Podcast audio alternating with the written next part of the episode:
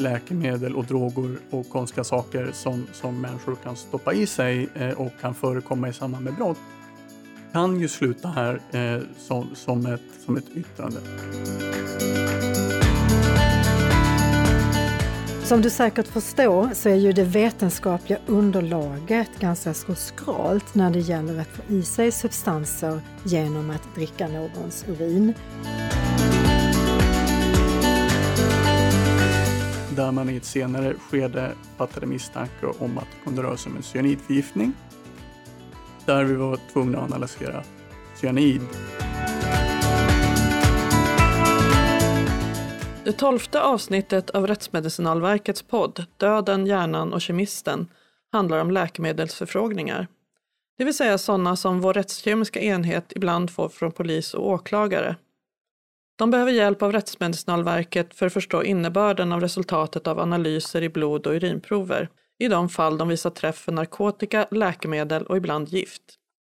Läkemedelsförfrågningar kan till exempel handla om ifall en person misstänkt för drograttfylleri egentligen bara har tagit läkemedel enligt de recept som hen har fått förskrivet av sin läkare. Ibland är det så en misstänkt person förklarar sina förhöjda värden av narkotika i kroppen. Det förekommer till och med att personer misstänkta för narkotikabrott hävdar att de har druckit en annan persons urin eller annan kroppsvätska, att de därmed egentligen är oskyldiga till narkotikabrott. Narkotikan som bevisligen påvisas i analysresultatet från Rättsmedicinalverkets laboratorium förklaras enligt den misstänkte med att personen vars urin hen druckit i själva verket är den som har tagit narkotikan. I det här avsnittet får lyssnaren veta varför den förklaringen inte är trovärdig. Den som leder programmet och ställer frågorna är John Henslert och Johan Göransson är producent. Välkomna! Då börjar vi med, tycker jag, att presentera oss. Jenny, du får börja. Vad heter du och vad jobbar du med? Jag heter Jenny Isaksson och jag jobbar som läkare här på utredningsenheten på eh, Rättsmedicinalverket i Linköping på eh, rättskemiska enheten. Och eh, i grunden så är jag ST-läkare i klinisk farmakologi, heter det som ju är den specialiteten som verkar för rationell läkemedelsanvändning. Vi är experter på läkemedel. Ja, eh, jag heter Carl Söderberg eh, och är specialistläkare i rättsmedicin i botten och har eh, disputerat på bedömning av läkemedelskoncentrationer hos avlidna. För närvarande är jag, precis som Jenny, också ST-läkare i klinisk farmakologi och jobbar på utredningsenheten här på avdelningen för rättskemi och rättsgenetik i Linköping. Klinisk farmakologi, kan man eh, säga någonting om vad det innebär? Ja, alltså det, det är ju en läkemedelsspecialitet som eh, syftar till eh, kunskap om läkemedel och dess användning inom, inom sjukvården. Så dels handlar det om, om att eh, sprida information om läkemedel och att de här, som, precis som Jenny sa, används på ett rationellt sätt. Eh, och också ge, ge vägledning och bedömning för patienter inom sjukvården kring dosering eller läkemedelsfrågor som kan komma från andra delar av sjukhuset. Ehm, mm. Men, men, samma kunskap är, är väldigt nyttig inom oss, eller för oss här på, på rättskemin också för att det, vår, mycket av det vi gör här handlar ju också om läkemedel eller droger av olika slag. Så, så att samma verktyg som man kan använda för att hjälpa läkare inom sjukvården med läkemedelsfrågor kan man använda här för att hjälpa polis och rättsväsende. Merparten av de frågorna som kommer in som vi ger skriftliga svar på kommer från polis och åklagare. Berätta, vad är läkemedelsförfrågningar? En läkemedelsförfrågan eh, kan ju handla om att eh, polisen eller åklagare eller försvarare skulle vilja ha hjälp med att tolka ett rättskemiskt analyssvar som vi har lämnat ut till dem. Vi som är rättskemin här på Rättsmedicinalverket. Precis. Eh, I eh, brottsmål så tas det ju blod och urinprover ibland på de både misstänkta och ibland på målsägande. Och då kan eh, polisen behöva hjälp av oss att kunna tolka svaren som vårt laboratorium skickar ut. För det är ju så att i Linköping så är ju det nationella laboratoriet, det är ju här som alla laboratorieanalyser inom rättsväsendet analyseras. Det finns ju bara här och därför så sitter vi också samtliga som skriver de här yttrandena här i Linköping. NFC har ett laboratorium också, eller? Grovt kan man ju säga att Rättsmedicinalverket har hand om det som är från hudkostymen på en människa och inåt. Alltså blod och vävnader och sånt där. Och, och NFC eh, har hand om det som är hudkostymen och utåt. Så att ponera att man på, på en brottsplats hittar, en eh, burk med, med konstiga piller så hamnar det på analys hos NFC. Men om man tror att personen som hittades på den där brottsplatsen har stoppat i sig några av de där pillerna så kommer blodprovet till rätt kemi. Och NFC är då Nationellt forensiskt center som tillhör polisväsendet, polismyndigheten. Just det. Och faktum är att NFC ligger här precis vägg i vägg i stort sett om eh, Rättsmedicinalverket här i Linköping. Precis, byggnaderna sitter faktiskt ihop. Så att det finns eh, gångar under marken som man kan ta sig däremellan. Vem är uppdragsgivare till de här läkemedelsförfrågningarna? Våra uppdragsgivare är framförallt eh, Polismyndigheten, men även Åklagarmyndigheten kan begära in eh, kompletteringar och frågor. Oftast kommer ju förfrågan från åklagaren och så är det polisen som skickar in till oss. Eh, men naturligtvis kan även en försvarsadvokat eh, vilja ha hjälp med att eh, få sin klients eh, svar tolkat och utrett. Och ehm, då går deras förfrågan via Åklagarmyndigheten till oss. Så vi är ju en helt fristående myndighet som inte lyder under Polismyndigheten på något sätt. Varför räcker det inte med de här analysresultaten då? Varför behövs det ställas ytterligare frågor? Ja, alltså det analyseras en väldigt stor mängd analyser här på, på Rättskemi varje år. Det är tiotusentals. Eh, och då måste man förstå att det man då får det är ungefär som ja, men, ett kvitto i mataffären. Va? Alltså det kan stå morfin 0,32 i blod. Eh, och ibland så räcker det som ett svar för polisen. Eh, men ibland så, så blir det funderingar kring den här siffran då. 0,32, är det, är det mycket eller va? Kan, man ha, kan man ha blivit medvetslös av det? Eller, hur stämmer det med någon, någon mediciner någon har? Eller man, man vill på något sätt sätta den här, den här objektiva siffran i ett sammanhang på något sätt. Och då har man en följdfråga. Så då, då får man, det är då man skickar in eh, en begäran med en sån här läkemedelsförfrågan till oss. Eh, och sen så försöker vi hjälpa, det, hjälpa dem med det och, och eh, liksom sätta det här i ett, ett rätt sammanhang för just det här specifika ärendet som det gäller. En av orsakerna till de här läkemedelsförfrågningarna är vad jag förstår att misstänkta gärningspersoner har lämnat förklaringar på varför de har fått i sig till exempel narkotikaklassade substanser. Ja, det stämmer ju. Eh, och, och, det är ju naturligt att det är så. Eh, I och med att vi, vi är i en rättsstat där man innan man är dömd för ett brott ska vara ställt inom varje rimligt tvivel att man också har begått det. Eh, så måste man ju ha en, en, en mekanism eller funktion för den som är misstänkt för någonting att kunna lämna sin egen förklaring till då, till exempel hur ett läkemedel har hamnat i blodet. Och då måste man också som rättsstat kunna, kunna pröva om det är rimligt eller inte. Och, och där kommer vi in eh, som en pusselbit i det. Och vad får de för typ av svar? Är det, är det ett eh, handskrivet brev eller är det, ringer man upp eller hur fungerar det?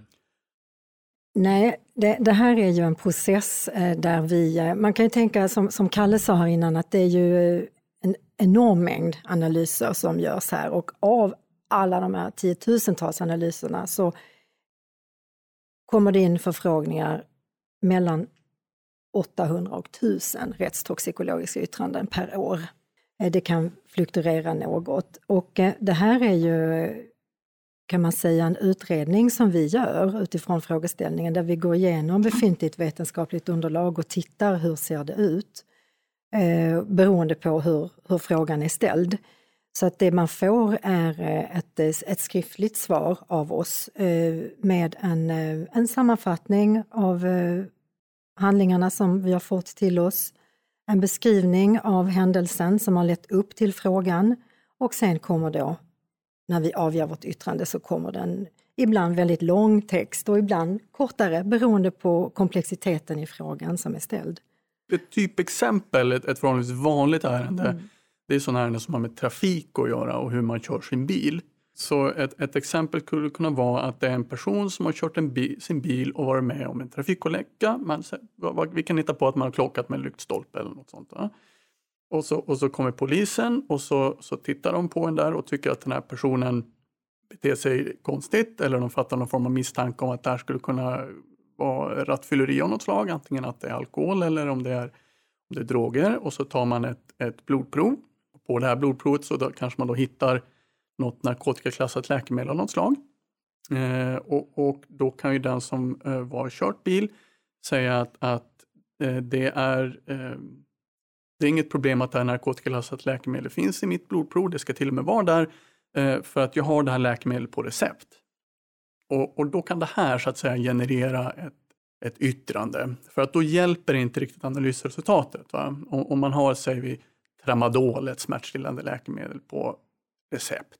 Så, så, och om vi då hittar tramadol i analysen, eh, då vill man ju kanske veta om det är som så att man har tagit mer än vad man får ta på sitt recept. Och då blir det helt plötsligt en tolkning. Då måste man börja titta på hur mycket får man ta i receptet? Hur mycket har vi, har vi hittat i vårt analyssvar? När har man, har man tagit de här tabletterna? Hur lång tid har det gått? Och så, så får man genom, precis som Jenny sa, titta på lite vetenskapliga artiklar i ämnet där man har prövat eh, och, och, och, så får man göra en bedömning utifrån omständigheterna i fallet om det här analysresultatet är rimligt eller inte rimligt i förhållande till en, en uppgiven historia. Mm. Och då kan det eh, ju sluta med att vi, vi kan säga att jo, men det här stämmer mycket väl överens med att man faktiskt har tagit sitt recept precis som man ska. Då är det jättebra för polisen att veta. Eller så kan det vara som så att det här är så höga mängder så att det här har vi mycket svårt att förklara om man bara har tagit det som står på receptet. Och då är det också bra för polisen. Mm. För vad kan det innebära? Ja, det innebär ju då att man eh, har överdoserat sitt läkemedel och det får man ju inte lov att göra. Eh, så då kan det vara att man har gjort sig skyldig till ett, till ett brott. Eh, en av våra vanligaste frågeställningar just när det gäller läkemedel är ju när vi hittar amfetamin i någons blod. Eh, det finns ju eh, en hel del läkemedel som innehåller amfetamin och som är ganska vanliga att folk är förskrivna. Det är framförallt läkemedel som används mot eh, något som heter ADHD, som är Attention Deficit Hyperactivity Disorder. Och eh, då kan vi genom våra analysmetoder se om det här amfetaminet kommer ifrån ett läkemedel eller om det är det vi kallar då för gatuamfetamin, att det är illegalt införskaffat amfetamin.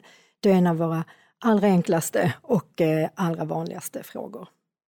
Men visst händer det att en del av de här yttrandena också levereras direkt under en huvudförhandling, alltså i en rättegång, muntligt av en expert här från rättskemin? Och oftast är det så att när, när vi har skrivit de här yttrandena, vi är alltid två stycken som skriver eh, yttrandena, så att vi, vi kontrollerar varandras arbete kan man säga helt enkelt eh, och, och hjälps åt så att det ska bli så bra som möjligt. Och eh, så skickar vi ju det här svaret som går till polis, åklagare och försvarare. Och sen händer det att man blir, blir kallad då som sakkunnig vittne till en domstolsförhandling där man får frågor på det man har skrivit och ibland får förklara lite utförligare än kanske det som har eh, satts på pränt. Men det gäller naturligtvis inte alla läkemedelsförfrågningar utan det är, en, det är en liten del av dem som man blir kallad som vittne. Ja, precis. Hur många sådana här läkemedelsförfrågningar får Rättskemin här i Linköping varje år? Av de eh, drygt 800 yttrandena som begärdes in 2021 så rörde 621 läkemedel i någon form. Och, ehm, och knappt 200 då rörde alkohol. Vi kan ju säga att med läkemedel här så menar vi också missbruksmedel. Missbruks, ja. droger av olika slag. Ja. Och de allra flesta kommer då in i, eh, just som Kalle sa här, trafikärenden. Men det är också våldsbrott och ringa narkotikabrott som vi får in frågor kring. Trafikärenden som är att man eventuellt misstänks för att ha kört drograttfull eller rattfull. Helt enkelt. Precis. Så det är där som då själva den rättskemiska analysen, det är därav den har kommit till, så, eller genomförts. Precis. Ja.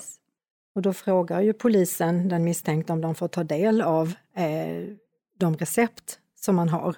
Om man nu hävdar att det beror på att man har tagit något man har på recept. Och då skickar de in de listorna till oss och så går vi igenom och tittar, precis som Kalle sa innan, att man jämför med ordination och tittar på vad vi har mätt upp. Hur vanligt är det att brottsoffer och gärningspersoner är påverkade när brott begås? Ja, jag, då, då, jag kan ta svaret där. Då, då säger jag jätteenkelt, vet inte. Och, och eh, anledningen till att jag säger så är, är att det vi ser här är ju de fall där antingen en målsägande eller misstänkt där man faktiskt varit fram och tagit ett blodprov och där vi hittat någonting. Men sen måste man också komma ihåg att, att bara för att man har någonting påvisat i blodet så behöver det inte betyda att man är påverkad. Påverkad, tänker jag, då, då innebär det att man är, man är förändrat till sitt beteende på något sätt. Eh, och, och, det är ofta svårt att sätta likhetstecken me mellan liksom en, en, siffra i, i, eh, i blod, en koncentration, eh, samt hur en person är påverkad. Och om man inte har personen hos sig, undersöker personen, som man skulle kunna göra inom sjukvården till exempel. Fast i vårt fall så har vi ju, har vi ju en, en siffra. Mm. Oftast. Och det finns ju sån enorm variabilitet i hur man som eh, individ reagerar på Eh, olika droger eller läkemedel. Det kan ju handla om att om man är van vid att ta ett läkemedel eller en, eh, en drog så har man ju en tolerans för det. Så då har du inte samma påverkan som någon som aldrig skulle ha provat det här tidigare. En sak vi kan säga däremot är ju att om man har, om en målsägande säger vi, eller en misstänkt har en berättelse i hur, hur de har, eller någon har sett hur de har skrivit ner något förhör, hur de har betett sig, gått ostadigt, legat och sovit eller, eller eh, målsäganden kanske beskriver att de har haft känt på något visst sätt. Då finns det i alla fall för vissa läkemedel listor av möjliga biverkningar. Alltså, när man har stoppat i sig det här läkemedlet så, så har man, kan man uppleva de här effekterna. Och så finns det lista, alla, alla som någon gång varit inne på, på FASS ser att de listorna också är ganska breda och omfattande. Så, så något man skulle kunna säga är ju att om en upplevelse hos en person eller, eller ett observerat beteende finns med på en sån lista över ett läkemedel på ett mer generellt plan. Men, men det är ju inte samma sak som att säga att det med säkerhet är just läkemedel som leder fram till en viss upplevelse eller beteende. För att det, det kan ju finnas andra förklaringar också. Förekommer det att läkemedelsförfrågningar rör ärenden med grova våldsbrott och till och med mordfall? Ja, men det gör det. Eh, precis som, som Jenny nämnde tidigare så, så merparten av de som kommer in hit rör ju inte det, utan det rör enklare ärenden. Men i en liten tårtbit av de fallen vi har här så, så gör det det. Eh, antingen, det kan röra sig, sig, om mordfall som, som först hamnar hos våra kollegor på, på rättsmedicin här inom verket och att det den vägen dyker upp frågor som rör de fallen. Eh, men, det kan också röra annan allvarlig brottslighet där han kanske har misstänkts ha blivit eh, förgiftad eh, men där man klarat sig med livhanken i behåll. Och att inom, inom ramen för en sån polisutredning kommer, kommer in frågor hit man kan säga all, allt som rör eh, läkemedel och droger och konstiga saker som, som människor kan stoppa i sig eh, och kan förekomma i samband med brott kan ju sluta här eh, som, som, ett, som ett yttrande. Men klart att eh, ju, ju, mer exotiskt det är, desto mer ovanliga är ju den typen av frågeställning.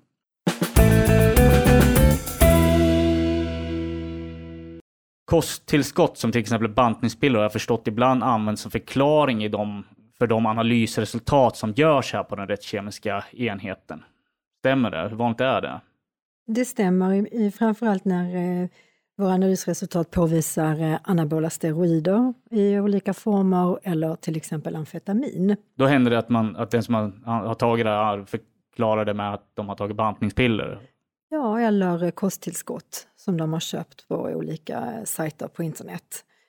Eh, och eh, då är det så att kosttillskott ehm, lyder lyder under Livsmedelsverket. Det är ju de som har ansvar för att eh, det som producenten av det här kosttillskottet har skrivit på baksidan ska stämma med innehållet i förpackningen.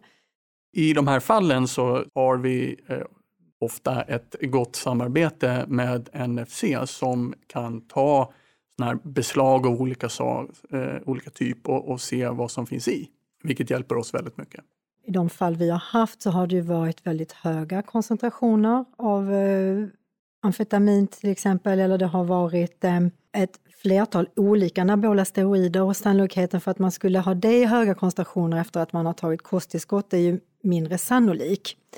Men eh, det, det förekommer att man använder det som, som förklaring.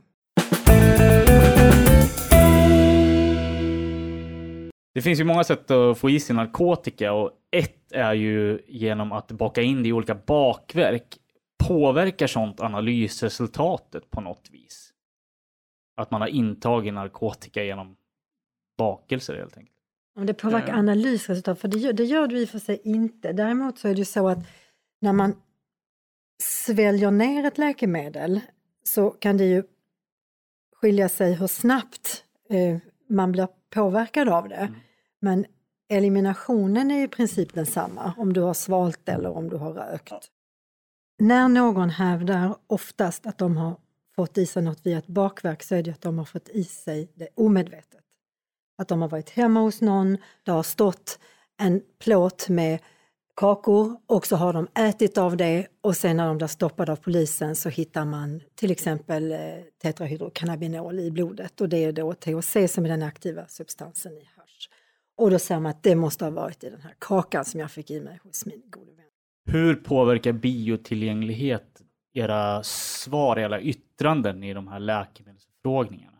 Biotillgänglighet det är eh, det är ett sätt att beskriva hur väl en substans tas upp i kroppen. Så att om man sprutar in någonting direkt i blodet, då är det 100% biotillgänglighet. Och sen så uttrycker man det i procent, så att om man tar någonting peroralt, för om du sväljer ner någonting så ska du passera levern, det ska passera, det kallas för första passage metabolism och då försvinner en hel del av substansen redan där. Så att det är inte 100 som når ut i ditt blod efter att du har svalt ner någonting. Och det brukar man uttrycka som biotillgänglighet. Mm. Eh, en del av intagen mängd som når systemkretslopp. System, som når blodet och ja. som sen snurrar runt och delar ut det för resten av kroppen. Eh, och det är ju precis som alltså, när man sprutar in någonting i blodet då, då kommer det dit på en gång direkt. Och det är så man ja. tänker när man gör olika beredningsformer på läkemedel. Ett exempel som vi skulle kunna ta är buprenorfin som är ett läkemedel som man använder mot opioid. Eh, man, man hjälper människor som har opioidabstinens och så tar man det här så att man inte ska ta eh, sitt heroin istället. Och då är det ett läkemedel som har en extremt låg biotillgänglighet om man sväljer det. Och därför så lägger man det under tungan och så får tabletten smälta där för då tas en mycket större del upp. Däremot så brukar själva elimination, det vill säga hur kroppen gör sig av med substansen, inte påverkas i lika hög utsträckning. Mycket av det som man gör som klinisk farmakolog handlar ju också om eh, farmakodynamik och farmakokinetik, det vill säga vad gör läkemedlet med kroppen och vad gör kroppen med läkemedlet? Och de allra flesta frågor som vi får till oss när det gäller de här läkemedelsförfrågningarna handlar ju om farmakokinetik det vill säga vad kroppen gör med läkemedlet. Och där finns det ju jättestora interindividuella variationer, framförallt när det gäller vilken njurfunktion man har, hur man kan omsätta en substans i kroppen och kroppens förmåga att bryta ner substansen. Det kan ju vara läkemedel som eh, man kan ha olika eh, genetiska förutsättningar för att kunna bryta ner. Och allt det här måste vi såklart ta i beaktande när vi ska besvara om en koncentration hos någon är rimlig eller inte. I de här läkemedelsförfrågningarna ni får, ja? Ja, precis. När man tittar på olika substanser så finns det olika sätt att beskriva hur en substans elimineras i kroppen och ett av de sätten som man brukar använda är att man pratar om halveringstid. Och det är ju hur lång tid det tar för en koncentration av en substans att minska till med hälften. Och där ser man ju när man tittar på olika substanser, det finns ju en enorm variation. Det kan ju vara allt mellan 10 till 30 timmar och då förstår man ju hur det kan skilja sig mellan olika individer. Och då får man ju alltid ta den allra längsta halveringstiden så att man alltid räknar till den misstänktes fördel. När det gäller de här individuella variationerna då, finns det även sjukdomstillstånd som kan påverka hur man bryter ner ett, eh, ett medel, en substans? Som, ja, men som nedsatt njurfunktion till exempel. Ja, det kan du ju göra. Alltså precis som Jenny pratar om halveringstid. Eh, så, så hur snabbt man bryter ner någonting, någonting i kroppen måste ju göra det här nedbrytandet så att säga. Eh, och, och har man då sämre funktion i ett organ som sköter det här, till exempel om det är ett läkemedel som utsöndras och bryts ner via njurarna och man har väldigt sjuka njurar, då går ju det här långsammare. Ehm, så, så, att i vissa fall och vid vissa sjukdomstillstånd så, så kan det spela roll att det påverkar kanske kroppens förmåga att ta upp ett läkemedel eller kroppens förmåga att göra sig av med ett läkemedel på olika sätt. Så där är det, är det då viktigt att känna till alltså, hur mycket av ett läkemedel man har tagit är viktigt. Hur man har tagit det här läkemedlet spelar naturligtvis roll. Och ofta när man har tagit det här läkemedlet också för att kunna ta hänsyn till att saker och ting bryts ner över tid. Här är sådana viktiga pusselbitar för oss när vi ska, ska göra den här typen av bedömningar. Och det är ju inte alltid som vi har alla de här uppgifterna eh, när vi skriver eh, våra svar, så att då får man ju ta höjd för det.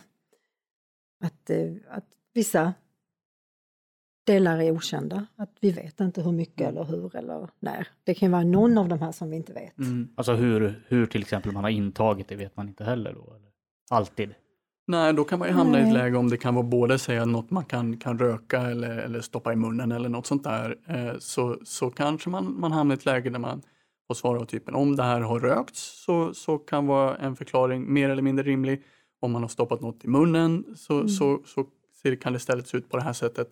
Och så får man lämna tillbaka det till polisen med, med de osäkerhetsfaktorerna och så får det mm. ingå i, i uh, utredning som helhet. Och antingen räcker det för polisen så eller så kan de göra någon ytterligare utredningsåtgärd där man faktiskt kan, kan komma fram till att nej, men i det här fallet så gäller det nog rökning. Då kan vi strunta i det här med att stoppa in i munnen. Eller tvärtom.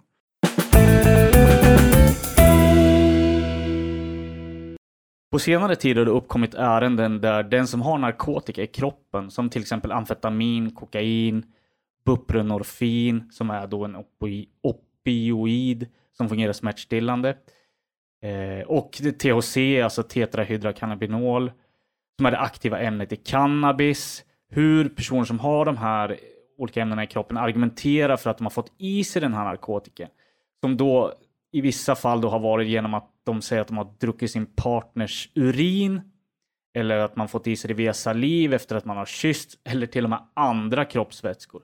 Hur trovärdiga är sådana här förklaringar? De är inte speciellt trovärdiga. Varför, du, varför, inte det? Som, som, du säkert förstår så är ju det vetenskapliga underlaget ganska skralt när det gäller att få i sig substanser genom att dricka någons urin eller att få i sig det via saliv eller sperma eller annan kroppsvätska. Det är svårt att kontrollera det i laboratoriet? Så att säga. Ja, men det finns lite undersökningar som har gjorts eh, och man har eh, tittat då på olika ämnen. Så vi har ju lite vetenskapligt underlag som vi, som vi kan eh, använda oss av. Men framförallt så är det ju ofta så att som vi pratade om, om tidigare, det här med hur en substans processas genom en kropp då ska du tänka att då är det en, en person som har tagit då narkotika och eh, på, på något sätt. Sen har det här processats genom den människans kropp, kommit ut i den människans urin och sen ska då person nummer två dricka av den här urinen. Sen ska urinen med då en liten del av den här ofta omvandlade substansen i för det man ska veta är att det är inte alltid en substans går ju inte oprocessad genom din kropp utan den kan, det kan sättas på olika kemiska grupper för att det ska vara lättare att utsöndra den med urinen och det kan eh, förlora någon eh, molekyl. Så den är ju oförändrad oftast när den kommer till urinen. Och sen ska du då person två dricka den här urinen. Den är förändrad när den kommer till urinen? Ja, ja. många gånger är den det. De allra flesta substanser har ju olika nedbrytningsprodukter som vi, som vi mäter. Och, eh, men självklart en viss del av den oförändrade substansen kan ju också komma ut i urinen helt oförändrad. Men, och så ska du då dricka det i din tur. Och så ska, du då, ska det processas genom din kropp och sen så ska det då mätas i ditt blod eller i din urin. Och att då ha koncentrationer i blod eller urin som är på samma nivå som individer som aktivt har tagit den här substansen har vi bedömt som eh, inte sannolikt. Många gånger hamnar man i ett, i ett resonemang, alltså även om en, om en liten del oförändrat läkemedel kan förekomma i, i urinen, så för att komma upp i de koncentrationer man många gånger ser i de här fallen så måste man ha intagit så stor mängd urin eller druckit så mycket saliv eller vilka andra kroppsvätskor det nu skulle handla om. Så, så att eh, det, då, då handlar det om, om så stora mängder så, så att det är svårt att se att det skulle vara genomförbart. Ja, vi har ju räknat i, i, något, ja. i något fall. Och, en gång till, säg mig, ni har räknat? Vi har ju räknat i, i, i ett fall och um, kom, kom fram till att det rörde sig om att man hade behövt dricka över 300 liter urin. Och då ska man ha klart för sig att man kan inte dricka, det är inte fysiologiskt möjligt att dricka en så stor mängd vätska. Eh, det som händer är att saltbalansen i kroppen blir så förändrad så att blod-järnbarriären öppnar sig så man får hjärnödem. Och då pratar vi i kanske, vad ska vi säga, 10 liter. Så Alltså, redan, redan, alltså det finns ju vattenförgiftning motsvarande, ja. alltså även om man inte dricker urin, ba, bara vätskan i sig va, så, mm. så, så ger det, det ger helt andra och akuta bekymmer mm. långt innan man har satt i sig den mängd som man skulle ja. behöva ta för att, för att kunna förklara de här analysresultaten som många gånger dyker upp i de här fallen. Ett och badkar amfetaminberikad urin. Ja, det är svårt att spara ihop. Till. Ja, och precis. För du ska ju tänka också att en, en kropp producerar ungefär en till två liter sekundär urin per dygn. Det är ungefär det vi kissar ut när man går på toaletten, så går man kanske tre gånger om dagen. Och ska du då spara i ett år? Den där förklaringen, den, den känns avlivad vid det här laget. I de allra flesta ja. fall Ja, Men visst, via, via saliv finns det ju eh, studier när man har ja. tittat just kokain, överföring via slemhinnor och vi har ju ehm, också... Vad visar de?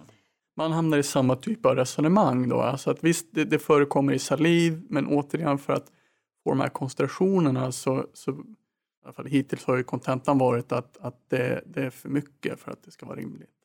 Det här första fallet som, som ledde till att alla de här förfrågningarna kom, det är ju avgjort. Och ja. där det var ju en person som blev friad i tingsrätten. Det. Och det förstår jag därför att den förklaringen kom i sittande rätt. Jag förstår att de fick fria därför att de visste inte om det var ja. Eh, möjligt. Och då fick ju vi den frågan utreda. Och, så det är ju helt korrekt att man ska göra på det sättet. Ja. Eh, men det, det, var ju då, och den, den personen, det gick vidare och och den personen blev dömd då i högre instans. Mm. Därför att då hade vi avgett ett yttrande mm. som, där vi förklarade varför det inte var. En del av de här läkemedelsförfrågningarna som Rättsmedicinalverket får handlar om att analysera väldigt udda gifter. I vilket sammanhang kan det ske? Det beror ju på då, föga, föga förvånande, så det blir ett rätt så öppet svar. När, när det rör sig om riktigt ovanliga saker så är ju ofta varje fall unikt.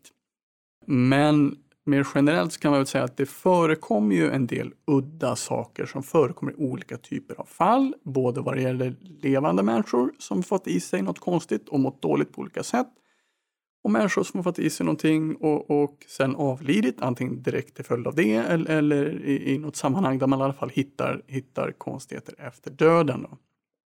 I det första fallet så kommer det här in ofta direkt till, till rättskemin när det rör levande människor. När det rör döda människor så passerar det i sånt fall våra kollegor på rättsmedicin först som får göra en obduktion. Sammanhanget då där de här dyker upp, då, om man ska hålla sig på ett riktigt generellt plan, är ju när det är någon omständighet i ett sånt här fall som verkar konstigt. Ett fall kan jag, kan jag ju nämna specifikt, dels för att det är avslutat för några år sedan exempelvis så var det en person som avled eh, där man initialt hade en, en misstanke om en dödsorsak men där man i ett senare skede fattade misstanke om att det kunde röra sig om en cyanidförgiftning. Där vi var tvungna att analysera cyanid som, som då är, är en inte eh, så vanligt förekommande förgiftning. Men, men som sagt, återigen, alla, alla fall är unika. Så som, som ni märker så tassar, tassar jag lite försiktigt runt det här eh, för, för, att inte, eh, inte lämna mer detaljer än, än, än lämpligt. Man, man, man kan väl säga rent, rent generellt att, att, precis som i, i deckarvärlden, klassiska deckare, så, så förekommer ju gifter som exempelvis arsenik till exempel eh, och andra eh, grundämnen ibland. Eh, och, och, där får, får vi vara behjälpliga och, och göra bedömningar i de här fallen. Då. Men alla läkemedel kan ju bli toxiska och giftiga, ja. så det får vi ibland förfrågningar om, om någon har fått i sig för mycket av ett läkemedel av olika anledningar. Ja. Och då kan vi utreda det också. Så det är också en form av förgiftning. Även om inte giftet i sig är udda så är det ju inte så vanliga frågeställningar, men vi får dem. Rent generellt så kan man väl säga att, att eh, den, den typ av bedömning man måste göra i Alltså det, det, är två, två sidor av den här typen av lite mer ovanliga förgiftningsämnen oavsett vilket ämne det gäller. Det ena är att man måste kunna hitta det här ämnet. Och, och vi har ju en bred panel av hundratals substanser här i, i huset. Och, och vi, har, vi har kontakter med andra labb både i Sverige och utomlands som kan hjälpa oss med ännu mer ovanliga, eh, ovanliga fåglar om man får säga så. Men eh, ibland så, så, måste man veta åt vilket håll man ska leta. Eh, alltså var, var, vartåt misstankar i ett fall blåser, eh, om man så, för, för, att leta på rätt, rätt ställe. Eh, om man då hittar en, en ovanlig substans så blir ju då nästa sak att bedöma den här siffran i ett analysresultat. För att Vissa ämnen som kan vara väldigt giftiga kan också förekomma naturligt i naturen eller kan finnas i kosten eller kan finnas Ja, det behöver inte vara så konstigt att man faktiskt har det i sig utan då blir det en, blir det en koncentrationsfråga, alltså om man har för mycket i sig. Och då måste man ju då kunna avgöra vad som är mycket och lite. Alltså är det här okej okay? eller är det här är det, är det något lurt? Va? Eh, och där ligger en till utmaning både för, för de som, eh, vad det gäller de som är avlidna och de, de som gäller levande att, att göra den värderingen ehm, ut, utifrån ett gediget underlag. Eh, och här jobbar vi både internt med att ta fram rätt verktyg för att göra det och också tar vi hjälp internationellt av kollegor världen över.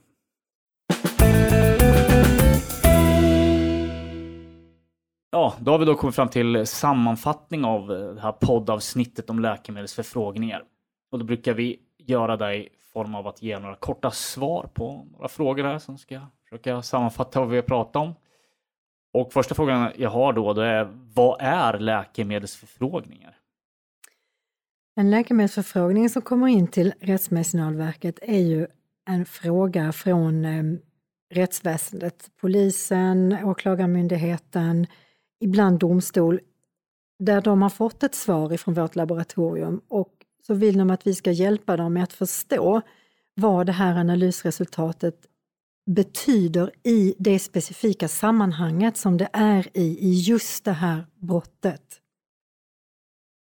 Och då skriver vi ett svar där vi eh, hjälper till med den tolkningen och försöker förklara på bästa sätt hur de, ja, vilken tolkning de kan göra av analysresultatet. Hur kan ett sånt här svar på en läkemedelsförfrågan se ut? Ja, om vi då utgår från ett sånt, eh, en läkemedelsfråga som rör en analys vi har gjort, så ingår i den först. Titta, i det här fallet så har vi hittat då vad det nu kan ha varit. Och, och sen så... Narkotika eller alkohol? Narkotika, alkohol. Typ. Eh, och, och sen så, så har vi också omständigheter i fallet, så då, då sammanfattar vi det. Vi har analys och vi har en, en omständigheter som vi bedömer aktuella och viktiga för att bedöma det här. Och sen så kommer ett bedömningsavsnitt när, när man utifrån eh, vetenskap och erfarenhet eh, bygger upp eh, sin tolkning av den här analysen utifrån de här omständigheterna. Där, och, och sen slutligen så landar man i någon bedömning och, och det, den bedömningen är då oftast svar på en specifik fråga som ställs av polisen. Är det högt eller lågt så kan vi säga ja, det verkar vara en hög koncentration eller det verkar vara en låg koncentration. Eller så där. så att i slutändan då så kokar det ner till ett svar på en eller några stycken rader på en specifik fråga kring oftast ett analysresultat. I det här avsnittet har vi, har vi haft trafikärende som, som exempel några gånger. Det, det är så vanligt, vanligt förekommande frågor. Men, men då skulle då den specifika frågan kunna vara, är förekomsten av det här läkemedlet i den här mängden rimlig utifrån några recept som, som en misstänkt har, har visat för polisen? Och då har, får vi ju recepten förstås. Eh, och så får vi omständigheterna kring olyckan så att man vet när den har hänt och när man har tagit provet.